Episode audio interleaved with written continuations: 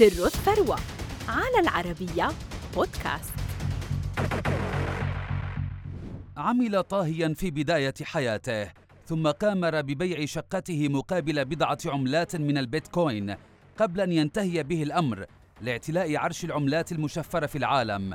إنه الصيني تشانغ بينغ تشاو المعروف بسي زي فما قصته؟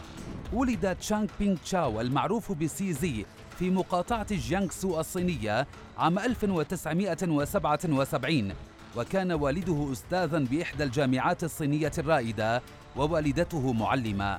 وفيما كان يجب أن يحيا حياة مستقرة ببلاده وجد نفسه وهو في سن الثانية عشرة يفر مع والدته إلى كندا نتيجة الاضطرابات التي شهدتها البلاد في الثمانينيات.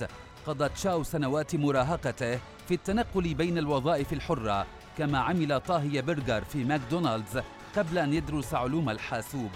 بعد التخرج عمل تشاو مقاولا في بورصة طوكيو ثم انتقل لنيويورك للعمل في شركة Bloomberg Tradebook مطورا للبرامج الحاسوبية.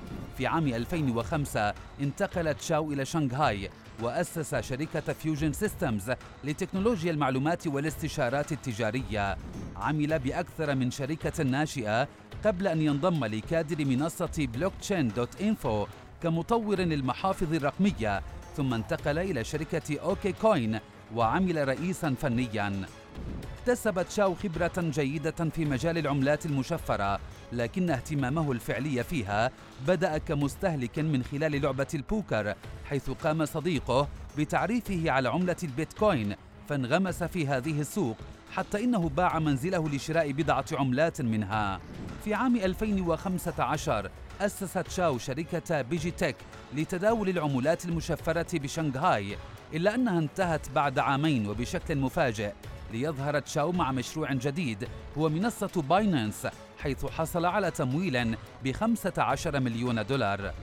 كان ذلك في يوليو عام 2017 لكن الصين وبعد أسابيع قليلة حظرت تداول العملات المشفرة فانتقلت الشركة خارج البلاد. لم يكن ذلك فقط فقد تعرضت المنصة في عام 2019 لعملية سرقة بما قيمته 40 مليون دولار لكن الشركة عوضت العملاء. كما واجهت الشركة تحديات أخرى عندما انخفضت قيمة عملتها ال BNB بشكل كبير.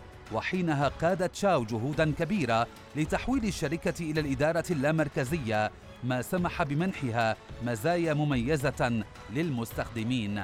ورغم أن باينانس واجهت تحقيقات أمنية في عدة دول وتم حظرها في المملكة المتحدة فقد أثبت منتجها أنه مقنع وأصبح لدى المنصة فريق منتشر في أكثر من أربعين دولة حول العالم.